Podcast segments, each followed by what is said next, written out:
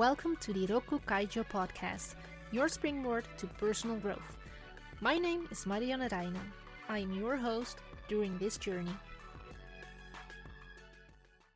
Resilience. Yes, that trendy word seems to have been plucked from a tile and thrown around on social media. Time to delve into it a little more. In this episode, what is resilience? What are the effects of resilience? And how do you increase your resilience? What is resilience? Resilience often refers to the ability to pick yourself up after a setback. It seems to be an individual quality that helps us to recover. Recent research by Cross, Dillon, and Greenberg shows that resilience is not only dependent on a personal trait, but that it is also fueled by strong bonds and networks. What makes us resilient? Marcus Buckingham writes in an article for Harvard Business Review 1. Resilience is a reactive state of mind created by exposure to suffering. And 2. The more tangible leaders express a particular threat, the more resilient people become. What are the effects of resilience?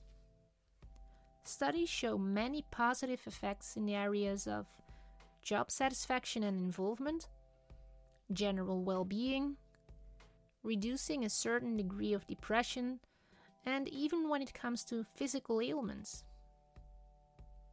In 2009, researchers showed that change in resilience mediated the relationship between positive emotions and increased life satisfaction, suggesting that happy people become more satisfied not just because they feel better, but because they develop resources to live well.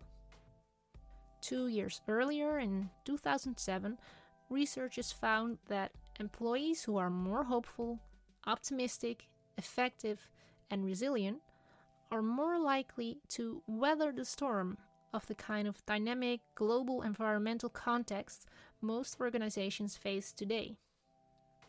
In 2014, researchers found that a high reward experience was associated with reduced future affective symptoms after previous exposure to childhood adversity or recent stressful life events.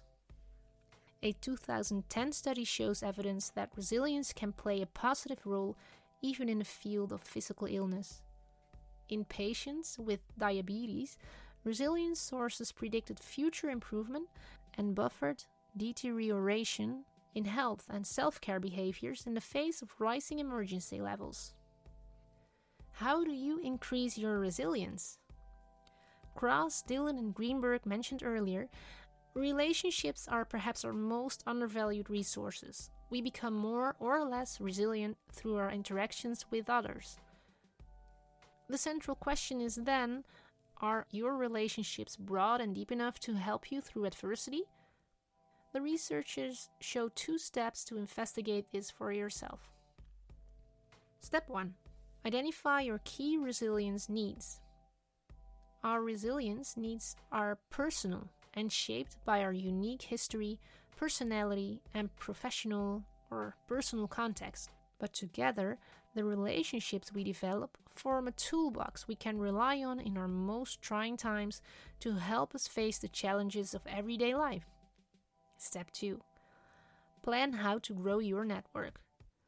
Think about the top three resilience needs you identified and list the names of people or groups you could invest in to further cultivate resources of resilience. First, we can broaden existing relationships. Second, we can engage with new groups or people to cultivate key elements of resilience. Point of interest participating in non work groups particularly board work, social action, and community organizing groups, also helps us develop resilience in our work lives. Exposure to a diverse group of people allows us to learn different ways of managing, directing, and addressing crises, and helps us develop different relationship skills, such as negotiating with different stakeholders. It also helps us cultivate empathy and perspective that, among other benefits, we bring into our work. Rokku Kaijo's weekly tip Analyze your foundation for resilience. This week, I challenge you to answer these two questions for yourself. 1. What are your needs when it comes to resilience? 2. How can you expand your network? Feel free to share your findings. You can find my contact information in the description of this episode. Thanks for listening to the Rokku Kaijo podcast. Tune in every Thursday for a new episode. More information and the latest news can be found on the website rokku-kaijo.com.